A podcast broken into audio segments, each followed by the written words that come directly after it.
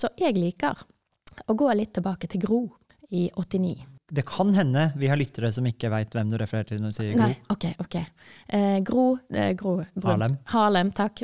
Gro Harlem Brundtland eh, var med å lage denne her eh, Brundtland-rapporten, som eh, var egentlig det første, i hvert fall som jeg kjenner til, initiativet for bærekraft, der de definerer bærekraft som at vi oppfyller dagens behov uten at det går på bekostning av fremtidens behov, eller kommende generasjoners behov.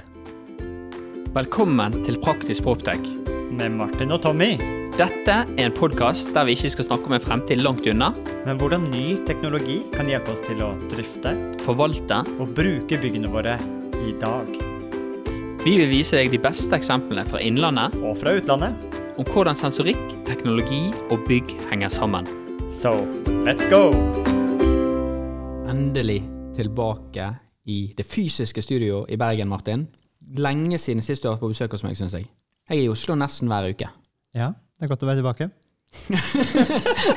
Er det alt du har å si for deg sjøl? Jeg har ikke blitt invitert. Jo, det har du. Hvordan, eh, Hvis jeg skal tippe, du, du ser litt trøtt ut. Var det morgentoget du kom med? Nattoget. Nattoget heter det, ja.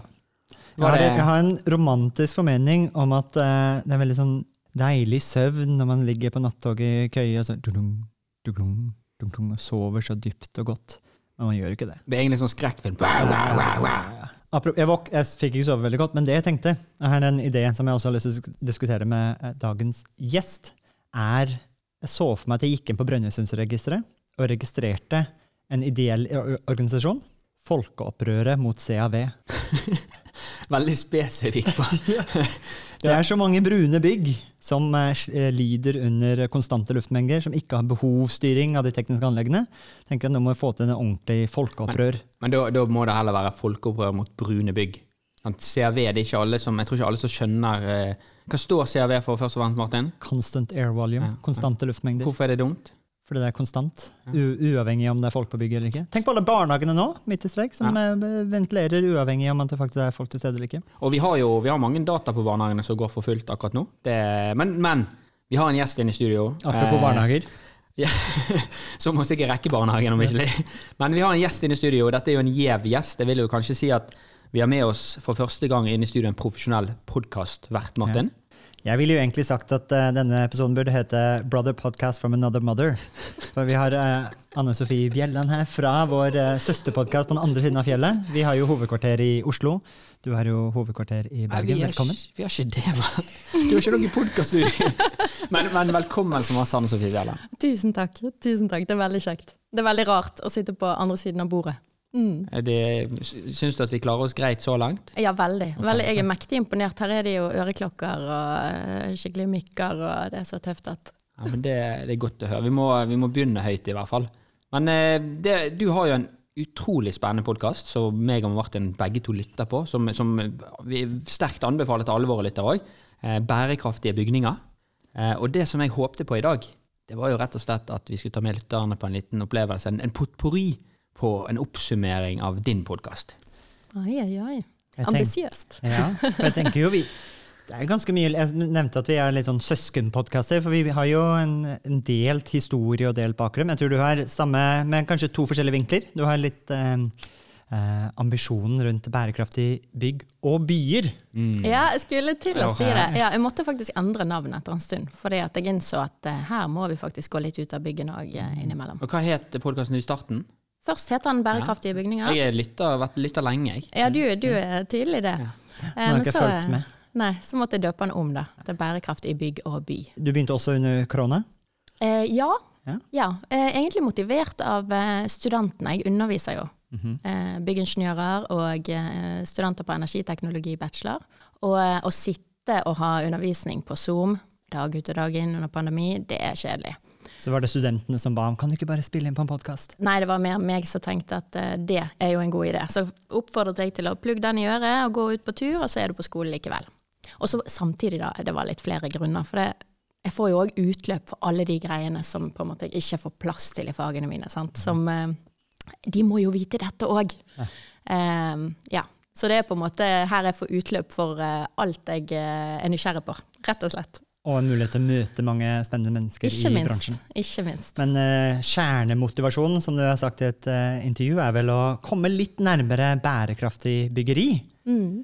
Og vår, det er ditt bidrag til den dugnaden. Og jeg tenker at Vi sa vel i første episode Tommy, at dette Praktisk Proptech er vår uh, bidrag til dugnaden til å få mer digitale og fremoverlente bygg. Mm. Men sammen så er det egentlig to perspektiver på samme mål, kanskje? Absolutt. Vi har jo vi har til og med litt samme gjester. Ja. Mm. Det, ehm, så det er jo utrolig spennende. Men jeg, men jeg syns jo, jeg syns jo kanskje at du får eh, mer bedre frem hvorfor vi skal gjøre det. Der har vi noe å lære, Martin. Vi, vi er litt for glad i teknologien av og til, kanskje. Går det meg for glad i teknologi? er du noe glad i teknologi i bærekraftig bygg og by? Uh, ja, både ja og nei. Altså, jeg er litt sånn uh, på, på, på hjemmebane så er jeg kanskje litt, uh, henger litt etter. Mhm. Men i utgangspunktet så heier jeg jo på det. Og, eh, Sier hun som kommer inn i studio og sier at jeg her på, på gården har du no offence på alle geitene. Ok, ja, men I den forstand så kan jeg godt si at ja det er veldig fremoverlent. Digitale gjerder på gården. ja. yes, stemmer. Du, du begynte jo eh, rett ut i episode to av Bærekraftig bygg og by med en uh, tankeleder innenfor eiendomsteknologi. Den kom, den, Tommy. Oh. Der kom han, Ja, ja. vet du. Der kom han. takk. takk. Ja, ja Så det er, det er en link mellom å oppnå bærekraftige byggerier og ta i bruk eiendomsteknologi. Absolutt. Absolutt, det tror jeg. Men det var, ikke der, det var ikke der vår reise startet, Martin. Hvilken reise nå? Deres reise? Jeg, var- jeg, jeg, jeg var jo Har dere en jeg- reise? Ja, jeg var jo en, jeg var, jo, en reise, Tommy? det høres mye finere ut å si reise, da. Men eh, jeg var jo også student, Martin. Ja, det, det, dit skulle jeg også, for du sa studentene dine. Så jeg vet Ja. at du også har hatt en uh, troublemaker som en student. det var jo når Tommy var på skolebenken. Ja, det, var faktisk, det var faktisk meg og en tidligere praktisk proptech-gjest til, Endre Johannessen i Toma. Okay. Han òg var en av uh, dine håpefulle studenter en gang i tiden. Og hva studerte du da? Det var takstingeniør. Eh, noe, ni, nei, var det NITO? Nå står det helt stille. Vi hadde i hvert fall noe sånn etter- og videreutdanningskurs innenfor taksering. Det var, jo, det var jo for nerder ut å lære mer om bygg, og så var det en, en litt sånn kul utdannelse som, der du fikk lære mer om bygg. Og det, det Anne Sofie lærte oss, var jo om betong, husker jeg. Liksom, mm. liksom, det, det vi virkelig beit merke i, var liksom det termiske, og du var veldig glad i å snakke om fukt. og Det var masse masse gøy i, i det faget der. Men underviser du det fortsatt? Ja, altså mitt, min si, kjernekompetanse er jo egentlig eh, bygningsfysikk. Ja. Og det er jo fukttransport og varmetransport i bygg og disse greiene her. Og energiberegninger på bygg. Ok. Så det er kjernen. Det er kjernen. Og så har vi jo gått langt ut av alle kanter etter det. og det er jo litt sånn fordeler og ulemper med å jobbe på eh, Institutt for byggfag på høyskolen, at da får du lov å være litt potet. Mm. Så jeg har undervist i arealplanlegging for de som tar bachelor i folkehelse, f.eks. Havnet eh, helt uti der. Og eh, ja, undervist materiale. Arealplanlegging for folkehelse. Ja. Altså hvordan planlegger du omgivelsene våre sånn at de Ah, okay. bidrar jeg- til bedre helse hos oss? Kan jeg be deg om å ta liksom første linje i det foredraget, for det har jeg hørt. Og det er et foredrag jeg har lyst til å lære mer om. Eh, er det dette som eh, Ja. Ja. Nå er det noe øye, spesiell øyekontakt. Hør, hør, hør, hør nå, Martin. Hør nå. Ja, jeg tror det er noe Tommy, Tommy er veldig nysgjerrig på resten av det. Det var egentlig et foredrag. Ja, det, det, er det er et foredrag jeg hadde betalt masse penger for. Okay, nå er jeg spent. Oi, vi kan snakkes, vi kan snakkes om det. Eh, nei, ja, ja, hva var første setningen som jeg øvde på? Eh, Jeg husker det. Ja, da, da skal du få lov å ta den. Kjør okay. på. Kom skal, an. jeg ta, men jeg klarer ikke å Jeg klarer ikke det nivået som du hadde, men la meg prøve. Det er sånn teatralsk. Ja. Vet du du skal dø en gang? Kanskje det er hjemme. Så hjemmene våre blir faktisk en arbeidsplass. Men er han tilrettelagt for det? Det var alt jeg fikk høre. Mm. Og det har jeg tenkt på siden. For jeg bor jo veldig dårlig til. Så jeg har tenkt stakkars de som skal ta vare på meg der. Det blir eh, Åh, jeg fikk ikke overgangen fra at du skal dø en plass, til arbeidsplassen din, hjemmekontor, tenkte jeg. Men det du mente, var ja, det, hjemmehjelpen, hjemmetjenesten. Ja, eller det som er, det som er bakgrunnen for, for setningen, er at, er at, eh, at eh, altså, den nye politikken som føres i forhold til eldrepolitikk i Norge, det er at vi alle skal leve lenge eh, og bo hjemme lenger. Eh, Så det som før het gamlehjem, det heter nå sykehjem, fordi du skal være fryktelig syk eh, for å få lov å bo der. Eh, Så resten må du fikse hjemme. Og da er det snakk om eh, ja, hjemmetjenesten, sant? altså kommunal hjemmetjeneste. De kommer hjem til deg, sant? så da blir det en arbeidsplass, som Tommy sier. Hvis du går opp på Haukeland nå, så står det bannere eh, om at eh, vi kommer hjem til deg. Så sykehuset òg kommer hjem til deg. Eh, og så er det jo blitt i økende grad et kontor sant, etter pandemi. Så eh, det handlet litt om det, da. At hjemmet det har fått en egentlig litt ny posisjon i samfunnet. Og eh, de er på ingen måte rustet for det. Under 10 er tilrettelagt for rullestolbrukere, f.eks. Og de som jobber innenfor eh, bad og den slags, de vet at de fleste baderom de har vel godt over 2,5 cm på terskel. sant? Og det er ikke veldig forenlig med verken rullator eller rullestol. Og, ja, det er mange spennende ting her. Dette kan vi, dette kan vi snakke lenge om. Men altså, ja. Å dra det inn med eiendomsteknologi eller velferdsteknologi, som Ja. er i den bransjen. Hvordan så du noe rundt det i foredraget også? Ja, eh, jeg nevner det litt, men det som jeg håper å si, og, og der jobbes det veldig mye med omsorgsteknologi, eh, også på høyskolen. Men, men det som var liksom mitt poeng, da, det var jo at bygningsmassen må vi jo preppe for dette her. Sant? For det beste er jo hvis folk kan komme seg ut sjøl og handle sjøl, at de kan komme seg inn på badet sjøl, at alt dette her funker så lenge som mulig. Sant? Så det var det var det eh, foredraget. Jeg, eh, jeg- jeg- dette skal jeg få med meg en gang. Gå litt nærmere mikrofonen. Men, men, eh, men tank, du sa det nettopp at uh, du, eh, du har jo ditt kjernefag, og så har du gått langt utenfor. Eh, Men du forsker jo på mye forskjellig òg. For du forsker jo på energieffektivisering av bygg og verdistigning. Uh, Inneklimats effekt på fysiske helse og velvære. Og bærekraftig bru- Byggeri. Kan du fortelle litt om, om dette her, og hvor langt er du kommet, og hva er cliffhangersene der? Ja, altså jeg har jo vært en stund ved Institutt for byggfag, og da har jeg hatt mange eksterne prosjekter der jeg har jobbet med de tingene som du nevner. Eh, egentlig veldig mye på eh, altså opplysning. Jeg begynte, når jeg begynte på høyskolen, da var det den store passivhusbølgen. Så da var jeg med på å kurse mye på passivhus og hva det vil si. Og så har jo, altså da var det snakk om kilowattimer per kvadratmeter. That's it. sant? Og siden det så har det jo eksplodert i forhold til hva man har av fokus når det snakkes om eh, miljø- og klimahensyn og bygg. Eh, så fokuset har vel eh, utvidet seg i takt med samfunnets generelle eh, fokus. Eh, men jeg har mest vært altså man, sier, man sier ofte altså jeg driver med FoU, sant? forskning og utvikling. Jeg har vært mest på U, utvikling. Og drevet med, altså jeg har laget sånne opplysningsfilmer om energieffektivisering av bygg og ja, gjennom bacheloroppgaver gjerne, sant? der studentene jobber med ting, så har jeg satt søkelys på det og, og fått det formidlet ut. Mens nå, i august, Oi. så begynte jeg på FN. Oi. Forskning. Jeg har begynt på doktorgrad. Aner ikke hva jeg driver med. Men eh, jeg finner vel ut av det snart. Men eh, da går det jo på å så se hva, hvor er det jeg kan bidra med en bitte, bitte liten bit med ny kunnskap. Sånn at vi kommer ett hakk videre. Det må jo være litt definert hva den doktorgraden går ut på, da. Ja, det er jo, jeg håper å si, eller den er faktisk veldig rundt formulert. Eh, eh, jeg fikk et stipend på bærekraftige bygninger. Det er jo Mhm. megabredt. Eh, og så søkte jeg og fikk opptak, og da var det egentlig om du kan monitorere bærekraft på områdenivå. Med tanke på alle dataene som ligger ute i samfunnet. Sant? De er jo verdt ingenting hvis ikke vi bruker de og skaper kunnskap av de. Ja.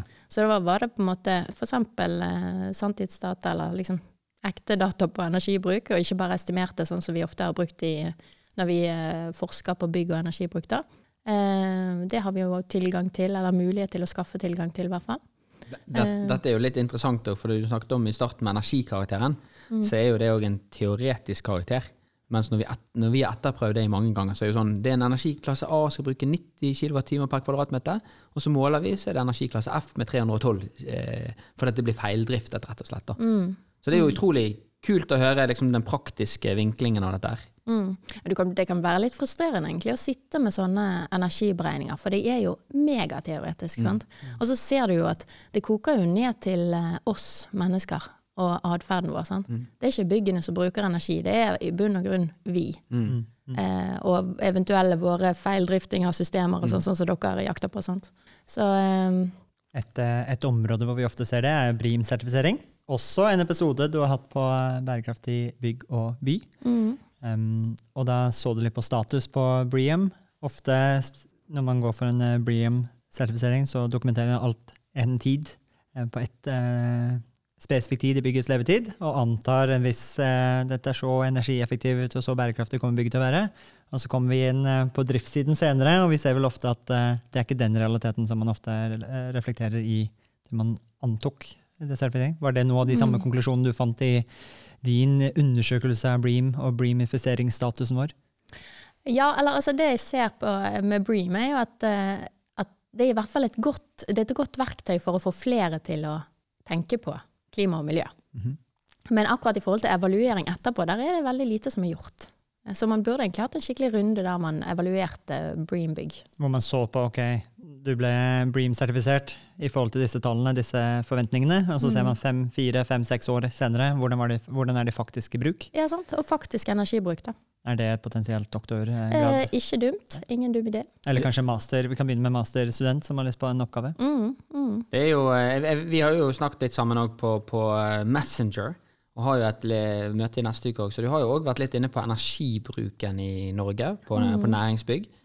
Eh, og det er, jo, det er jo noe som jeg syns er veldig interessant. Sånn, vi skal jo spare 10 TWh. Meg og deg har jo gravd oss litt ned.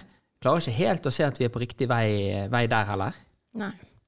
Eh, jeg syns det Eller vi må Jeg savner liksom noen skikkelige, gode sånne her eh, strategier og, eh, og stimuleringsmidler, eller sånne rigger for å, å virkelig få det til å rulle.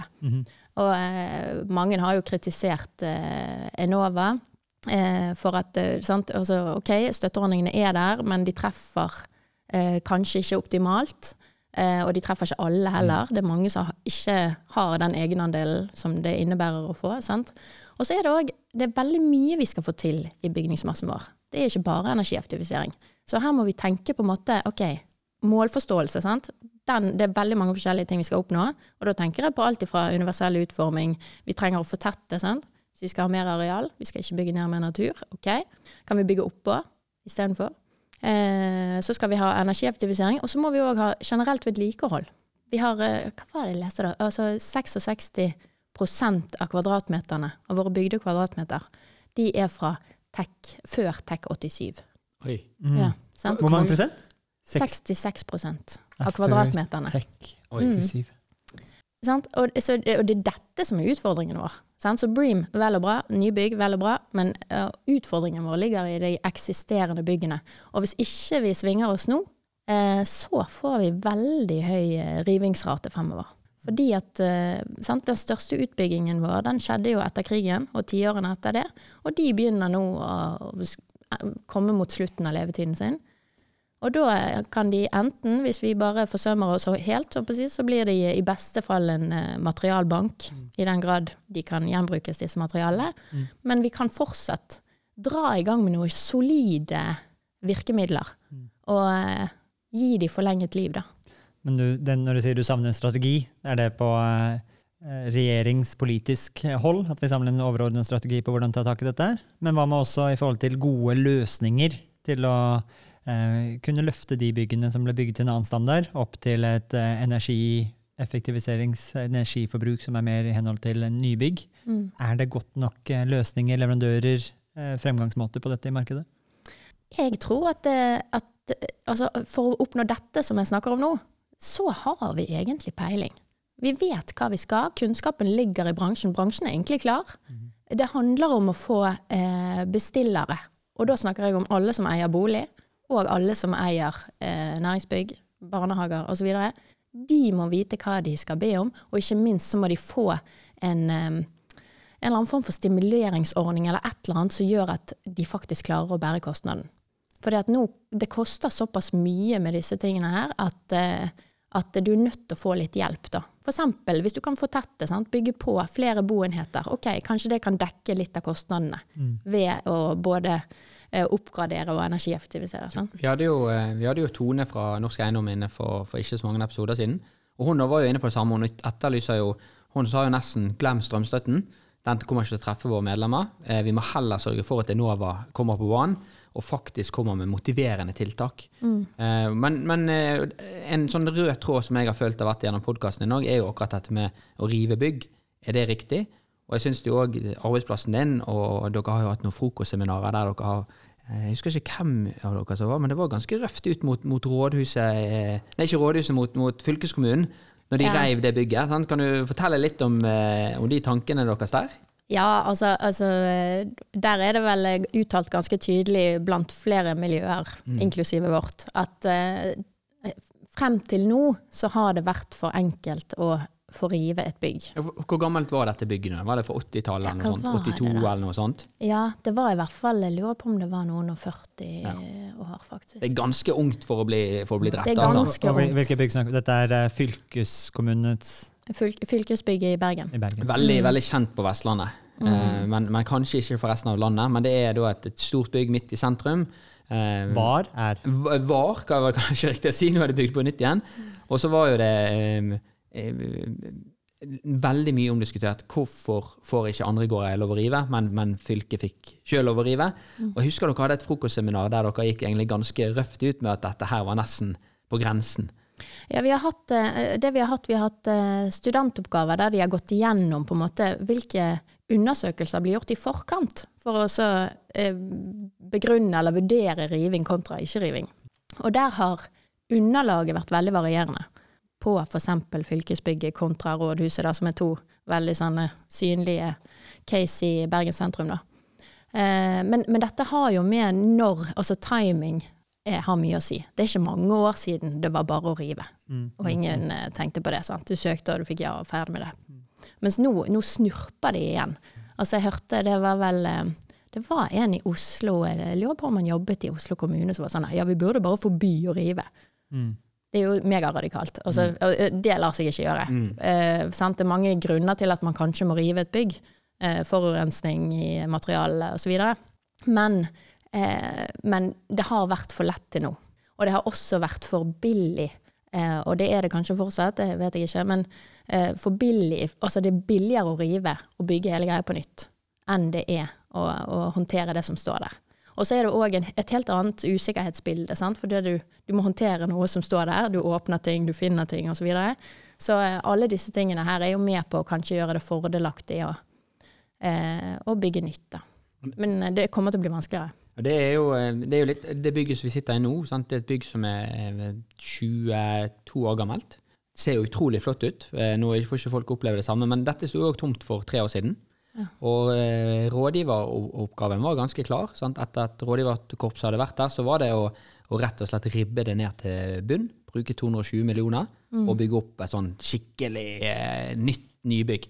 Og, men det som skjedde her istedenfor, er jo at gårdeier har brukt en 14-15 millioner. Fylt opp bygget med masse leietakere, gjenbrukt, eh, tatt med seg kunsten. Og det er blitt det bygget det er blitt i dag.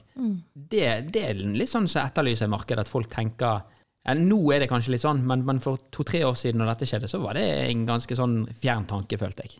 Ja, ja, det har skjedd en utrolig stor endring i bare mentaliteten, har jeg inntrykk av. Og, og det kommer til å bli eh, bare vanskeligere og vanskeligere, rett og slett. Og så forstår jeg jo utfordringene med at sant, du kunne kanskje optimalisert utnyttelse bedre osv. Tekniske installasjoner har jo alltid vært en sånn der, eh, argumentasjon. Sånn. Etasjehøyder. Men jeg tenker at kanskje vi må vurdere liksom Er det godt nok? Mm. Vi må bli litt mer kreative. Sant? Finne løsninger sånn at det, det går likevel. Ja, For der i ene episoden din så har jo du eh, diskutert med Det var vel Mats Myse med at eh, etasjehøyder var det store problemet. Eh, og det husker jeg da husker jeg tenkte at eh, kan ikke vi være litt mer kreative enn det? Kan ikke vi få luften en annen plass? Eller, eller trenger vi å dimensjonere det ene bygget i Bergen etter den ene dagen det er 25 grader sol? Og, og det spørsmålet hvorfor klarer danskene seg med så mye mindre luft enn nordmenn? Det er jo litt sånn Er, det riktige luftmengder vi har? Men der tror jeg faktisk Det er jo sånn, eh, sant, hvis vi skal snakke litt om eh, essensen i, i bærekraft. Sant? Bærekraft er jo et utrolig ølt begrep. Sant? Og det er megafrustrerende. Du skal sitte og prøve å definere det. Og, sant? Ja, du kan lage tusenvis av podkastepisoder og prøve å finne ut av det, og du vet like lite etterpå. Eh, Så har du FN sine 17 bærekraftsmål, sant? så gjør deg enda mer forvirret. Og de har konflikter internt og alt mulig. Så jeg liker å gå litt tilbake til Gro i 89. Det kan hende vi har lyttere som ikke veit hvem du refererer til når du sier Gro. Nei, ok, ok. Eh, Gro, eh, Gro Brunt- Harlem. Harlem, takk.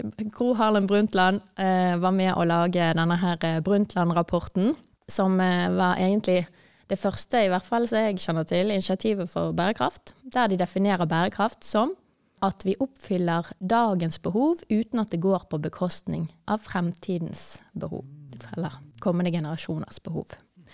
Og det som vi ikke gjorde etter at det ble definert, som jeg mener vi må ta en runde på, både som enkeltindivid, som samfunn, men også for bygg, det er å, å definere behovet.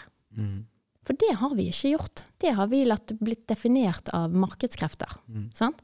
Å ja, du trenger den vesken, å ja, du trenger den dingsen, å ja, du trenger den. Akkurat det samme kan du finne i egentlig bygningsregler, kanskje i luftmengder. Det kan vi diskutere, sant? Eh, men der kunne man gått igjennom, tror jeg, eh, regelverk og alt mulig, og sagt sånn OK.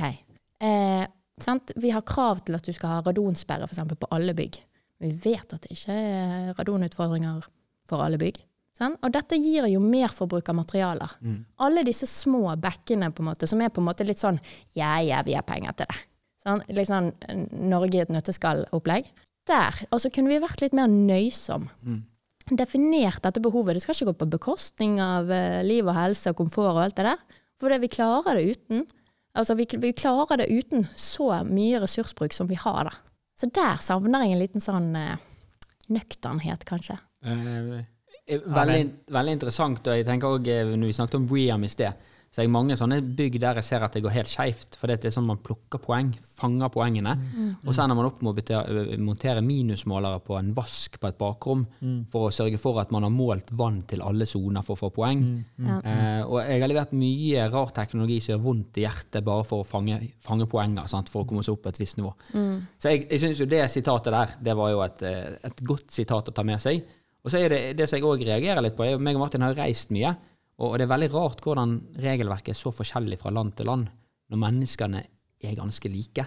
Og så er det selvfølgelig litt forskjell i klima og alt dette her, men, men vi har jo et liten sånn interessant digresjon på dette bygget her. Da. Men dette bygget her har jo ca. 90 000 kubikk i luft. Det er jo et stort tall, sant? det er jo 90 000 kubikk. Men siden vi har fått sensorer i absolutt alle rom, og styrer soner riktig, så har vi aldri vært over 39 000 kubikk. Mm. Og det sier jo, da, det, da vi hadde jo lyst til å stille spørsmål, ok, men er det sånn at vi har 100% samtidighet på den ene varme dagen vi har i året? Eller er det sånn at bygget kanskje står litt tomt, og vi trenger ikke å kjøle så mye? Og Det er jo litt sånn spesielt når vi snakker om at, at dette bygget skal stå, og vi skal få det til å virke uten å bruke minst mulig eh, midler.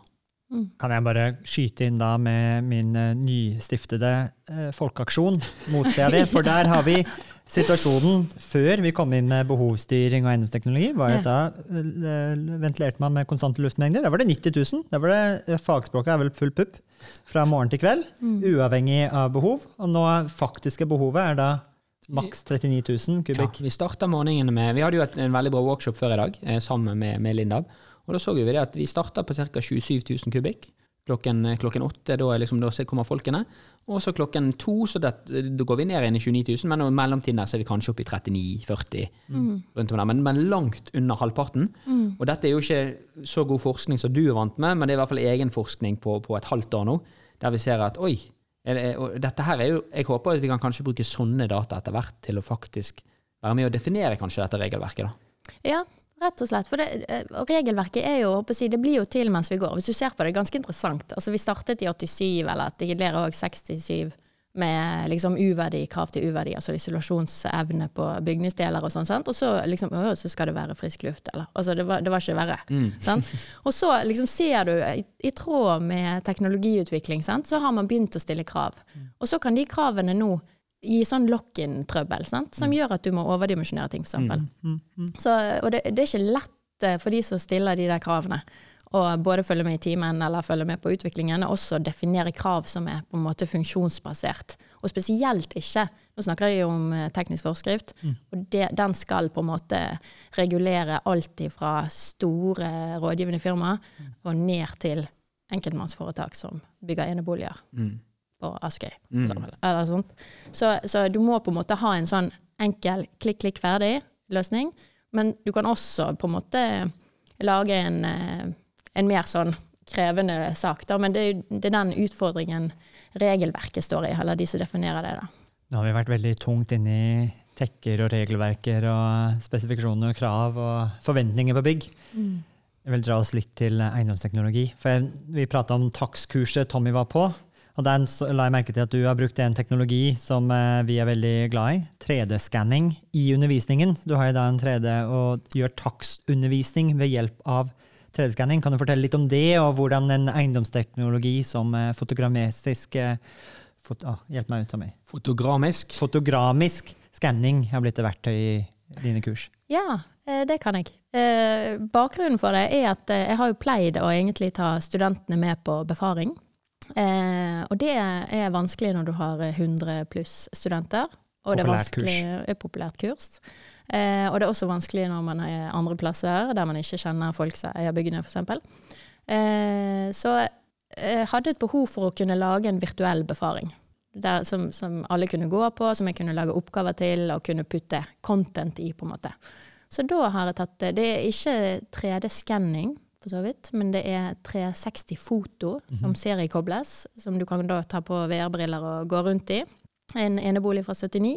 Og der får du små filmsnutter og sånn, der du får eh, kikke under kledningen, og du får måle tykkelsen på ytterveggen. Og så skal mine studenter da gjøre en befaring og registrere og bestemme U-verdier, og gjøre en eh, full energiberegning, eh, energimerke, og foreslå tiltak for å energieffektivisere. Og så skal de regne litt på fukt og ventilasjon.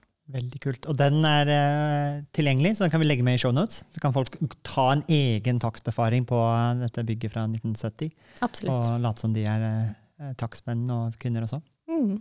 Det er en kul, praktisk bruk av eiendomsteknologi. Ja, vet du, Jeg har faktisk òg brukt den teknologien for å eh, dokumentere sykehjem. Så jeg har reist rundt på de Husbanken er jo på en måte har peiling på sykehjem, og eh, veldig mange kommuner skal bygge nye sykehjem. Og jeg trenger å eh, få inspirasjon, så da reiser de gjerne på tur for å kikke på ting. og sånn. Så tenkte jeg ok, eh, det må jo de kunne slippe. Så der ligger det en database da, med liksom gode eksempler på sykehjem. Der også de som bruker det, altså enhetslederen på sykehjemmet, forteller liksom sånn Ja, sånn ser det ut, og sånn og slik. Og dette funket ikke i det hele tatt, men det, det visste vi først etterpå. Altså liksom får du en sånn erfaringsoverføring, da. Gull verdt for en arkitekt da, som skal begynne på et nytt sykehjem, til å få praktiske lærdommer fra hvordan eh, bygget faktisk er i bruk. Absolutt. Mm. Hvis vi, skal, hvis vi skal tenke litt sånn eh, avslutningsvis litt inn på, på det som jeg liker å nerde rundt, for du har vært også litt inne på hjemmene våre, Mm. og, og i disse tider her med, med strøm, så har du en egen episode rundt dette med strømbruk hjemme. Mm. Og det jo, Når vi snakker om at byggene har endret seg litt, annet, så har jo hjemmemarkedet endret seg òg. Mm. Hva, hva er læringen din av, av strømforbruket hjemme? Ja, der, eh, det var egentlig nesten eh, av, av egen privat interesse. Altså hvordan skal du styre strømbruken hjemme? Sant? For det som jeg, jeg prøvde å si, greit det er at jeg har geiter på, på GPS, og på si, men, men jeg har ikke helt styr på strømbruken hjemme. Jeg bare skrur det av. Men, eh, men eh, det var jo liksom altså, nå, nå har vi en ny tariff, sant? der du har eh, effektprising. Vi har høye strømpriser. Eh, og nå er det litt sånn at sånne her smartinger som dere, som syns det er gøy med små duppeditter, eh, dere eh, vinner, for å si det sånn. Eller dere får spart inn. Nå er, så meg og Martin, vi, dette er tiden vår. Det er det du prøver å si. Dette er deres tid. Your time to shine. Vi konkurrerer jo om hvem som, hvilket, eh, hvilket nivå på effektprisen vi kommer i måned for måned. Ja, sant, Jeg har vunnet hver jeg måned så langt. Dette kan jeg tenke meg. Martin er den, eh, Martin er den gjerrigste. Ja. Det er prisen. Ja. Men så, jeg har jo da siden, siden dette begynte, så har jeg begynt å tenke sånn, ok, men dette her er jo, dette er jo vesentlig for alle, sant? Og det krever digital kompetanse. Det krever tid og ressurser for å sette seg inn i, og duppeditter og greier. Så jeg har gått rundt og spurt alle jeg har møtt sånn, ja, har du eh, sanntidsdata på strømbruken din? Og veldig mange svarer nei. Veldig mange svarer nei. Eh, og, og det der er altså, I ytterste konsekvens så er det de som trenger det mest, de får ikke tilgang, og de må betale høyere strømregning. sant? Så, eh, men det som jeg ble litt glad for å oppdage da når jeg hadde den poden der, det var jo at, eh, at eh, strømselskapene òg er litt på den ballen. Sant? At det er ikke bare opp til deg sjøl som huseier. Og, og det syns jeg er en sånn kul forretningsmodell, at, at strømselskapene prøver med å spare penger. Altså de kjøper seg sjøl litt. Men jeg, jeg skrev i en artikkel for Teknisk Ukeblad at dumme hus kom til å bli upopulære og dyre å bo i. Og jeg fikk, jeg fikk så utrolig mye hets med liksom sånn der Folk tenkte at uh, siden jeg jobber i Energy Control, så må jeg selge strøm. At det liksom, nå, er det, nå skal jeg rane alle. Så det var mye for et år siden. Du Men det som, blame dem med et sånt navn, da. Nei, det er sant. Det var kanskje litt uheldig. Men, men det som var interessant, det var at hvis vi går ett år eller litt lenger tilbake, så var det ingen som visste hva strømprisen var her og nå. Vi visste det, tre øre eller ti øre eller 70 eller 40. Det å være energirådgiver, det var jo bare det å vite hva strømprisen var i dag. Da hadde du liksom fortjent timelønnen din. Men det er jo litt artig i dag. Der er det sånn eh, med kaffemaskin, så er det liksom sånn der eh, Alle bare ja, ja, tre øre i dag, nå er det bare til å bruke. sant? Og seks øre i dag. Og, Så det er jo helt utrolig hvor bevisst vi er blitt på dette her. Ja, og bare det gjør jo at vi sparer masse. Sant? Så vi har jo eh, sant? Endelig hører de på oss. Men, men det er jo litt det som jeg syns er interessant, og det har vi hatt i en annen episode òg. Det er jo det en ting er at ikke vi har kontroll på sekunddataene våre hjemme. Eh, alle har jo ny måler, det er jo bare en ding som må til. Men på næringsbygg så tipper jeg at en promille av en promille av bygg som har det der ute. Og det er så enkle data. Ja. Men det syns jeg er så rart. Altså Skyldes det eh, denne her eh, Det plukket jeg opp fra en av deres episoder, at, at du har eh, leietaker som betaler. For, for byggeier må jo ha interesse av å spare energi. Det, det, det er mye, men det er mye politisk. Jeg, jeg, jeg ser jo veldig mange utfordringer når vi, når vi prøver å gå inn på bygget og hjelpe dem, så ser jo det at oi, nei, den måleren er hos leietaker, og leietakeransvarlig sitter i USA, og det er hans, eller han eller hun som må sende mail til strømselskapet og åpne. Så det er, det er veldig mye politisk, og, og det er mange aktører som jobber for at dette skal bli lettere. Altså at default være åpen. Men Tommy, hun har jo et poeng. og hvis du tenker, ok, Energy control det hjelper jo kunder å ta kontroll på strømmen, eh, energibruket sin. Og de, de kundene du har hatt høyest besparelse for, det lykkes mest med. Det er jo de som både eier, drifter og forvalter Ja. og bruker byggene. Men når du har den der fragmenteringen, Mm. eh, og insentivene er ikke helt aleine i forhold til hvem er det som skal ta investeringen, gårdeier, hvem er det som faktisk tar kosten, Mm. leietaket med felleskost, så er det ikke alltid interessen er der til å virkelig energieffektivisere. Og, og det har vi sett med en, sant, med en annen eh, gjest, med Kristine Kahr, som, som eier bygget sitt i Biltema i Drotningsvik. Mm. Hun har jo tatt alle kostnader så langt, mens det er leietaker som har spart nå 25% energi. Eh, og det òg er jo litt interessant. Da, da kreves det en fremoverlent gårdeier. Eh, og så er jeg veldig overrasket over at i 2022 så er det svaret som oftest nei når jeg sier har, ok, først og fremst har vi energidata på bygget. Mm. Så er svaret som oftest nei. Da er det bra dere eh, holder på å jobbe med saken. Skal vi, er det kanskje en eh, folkeaksjon til? Oh. Skal vi starte to selskaper? Kanskje vi bare sier folkeaksjon mot Hadde, hadde du blitt litt med på folkeaksjonen til Martin folkeaksjon mot Brunebygg? Ja, jeg er mer mot uh, brune bygg enn enn, uh, CRV. Ja. Det blir Hva liksom med CRV? Nei, nei, nei, jeg er for, jeg er for så vidt mot For det òg. snevert? Ja, Ja. for snevert. sant? Vi må liksom Ja, men da begynner det er stiftelsesmøte. Da vil styret. Da Veldig bra. går jeg inn på Brønnøysundregisteret. Vi eh, registrerer folkeaksjonen mot brune bygg. Ingen bygg fortjener å lide under CAV. Kan det være undertittelen? Ok. La, la, oss, la oss ta det på sidelinjen. Men Martin, nå har du, har du et siste spørsmål mens vi, mens vi tviholder på Anne Sofie før hun må løpe av gårde fra oss. Vi har nevnt mange episoder av bærekraft i bygg og by i, i løpet av podkasten. Vi kommer til å linke opp til alle de. Men hvis det er en av de 43 episodene du har spilt inn og delt eh, med både studenter og hvermannsen, hvem er det du ville anbefalt våre lyttere skal høre på? Hva er din favorittepisode? Jeg, jeg har en favoritt, men det er, det er fordi jeg syns det er så spennende sjøl. Og da har jeg gått ut av bygget, for å si det sånn. Og det er denne her med naturen. Okay. Natur i Oh. byfortetting. Og egentlig natur generelt. For der eh, har vi en eh, skikkelig krise på gang. Hvem var den episoden med? Det var med Rune Skeie i Asplan Viek. Da hører vi. Det var anbefaling. Jeg tenker med det, Tommy, skal vi melde oss av her fra Krokarsjønveien 11C og podkaststudiet vårt. Veldig kjekt at, eh, at dere kunne være med. Men med det er nok en episode av Praktisk Proptek over for denne gang. Mitt navn er Tommy. Jeg heter Anne Sofie. Og jeg heter Martin, og du har nettopp hørt på Praktisk Proptek! Det er første gangen vi Det har er første gang vi har fått det uten å måtte Har dere pleid å gjøre det flere ganger? Ja, ja, ja, ja, ja. Sånn. Da dere er 2024 i gang, og et av høydepunktene på starten av året er jo sett sammen et årshjul, og det har vi også gjort, Tommy. Ja, Akkurat nå sitter jeg og ringer rundt 25. og 26. april, for da skal vi på FTV-kongressen. Og det blir litt ekstra spesielt i år, Martin. Det var jo veldig spesielt i fjor òg, for jeg husker det vakre øyeblikket når eh, du og Magnus fra FTV-kongressen eh, preiket sammen og egentlig unnfanget og satt sammen en god idé. Og det var jo invitasjonen til eh, Proptech-dugnaden, som også blir et høydepunkt i år, ikke sant, Magnus, på FTV-kongressen 2024. Jo, det stemmer det. Vi setter godt med plass i år til, eh, til dugnaden. En eh, god og sprø idé for å sette praktisk proptech ut faktisk i livet og vise hva vi får til, ikke bare fortelle. Det var, jo, det var jo veldig gøy, for jeg husker da jeg skulle pitche dette til deg, så tror jeg du avbrøt meg og bare sa 'vi er med'. Og når vi var på dugnaden, så sa du òg at Tommy, dette her må vi ta med oss tilbake på FTV-kongressen. Vi må jo praktisk få dette vekk fra Powerpoint og vise praktisk hvordan vi har gjort det. Og det syns jeg blir litt spesielt i år, at det blir jo for meg en liten reunion av det som skjedde der ute. Men, men eh, FTV-kongressen er vel mye mer enn en, bare en reunion òg.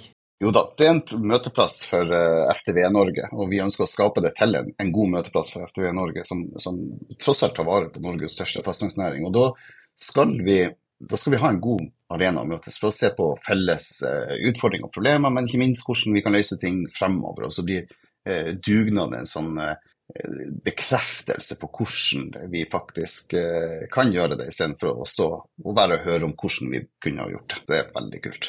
Og januar er jo en gavemild måned, så hvis du brenner for bedre drifting av bygg, så kan du få med deg en liten eh, rabattkode her også, så møtes vi kanskje 25.-26. april på Tung kongress Gardermoen.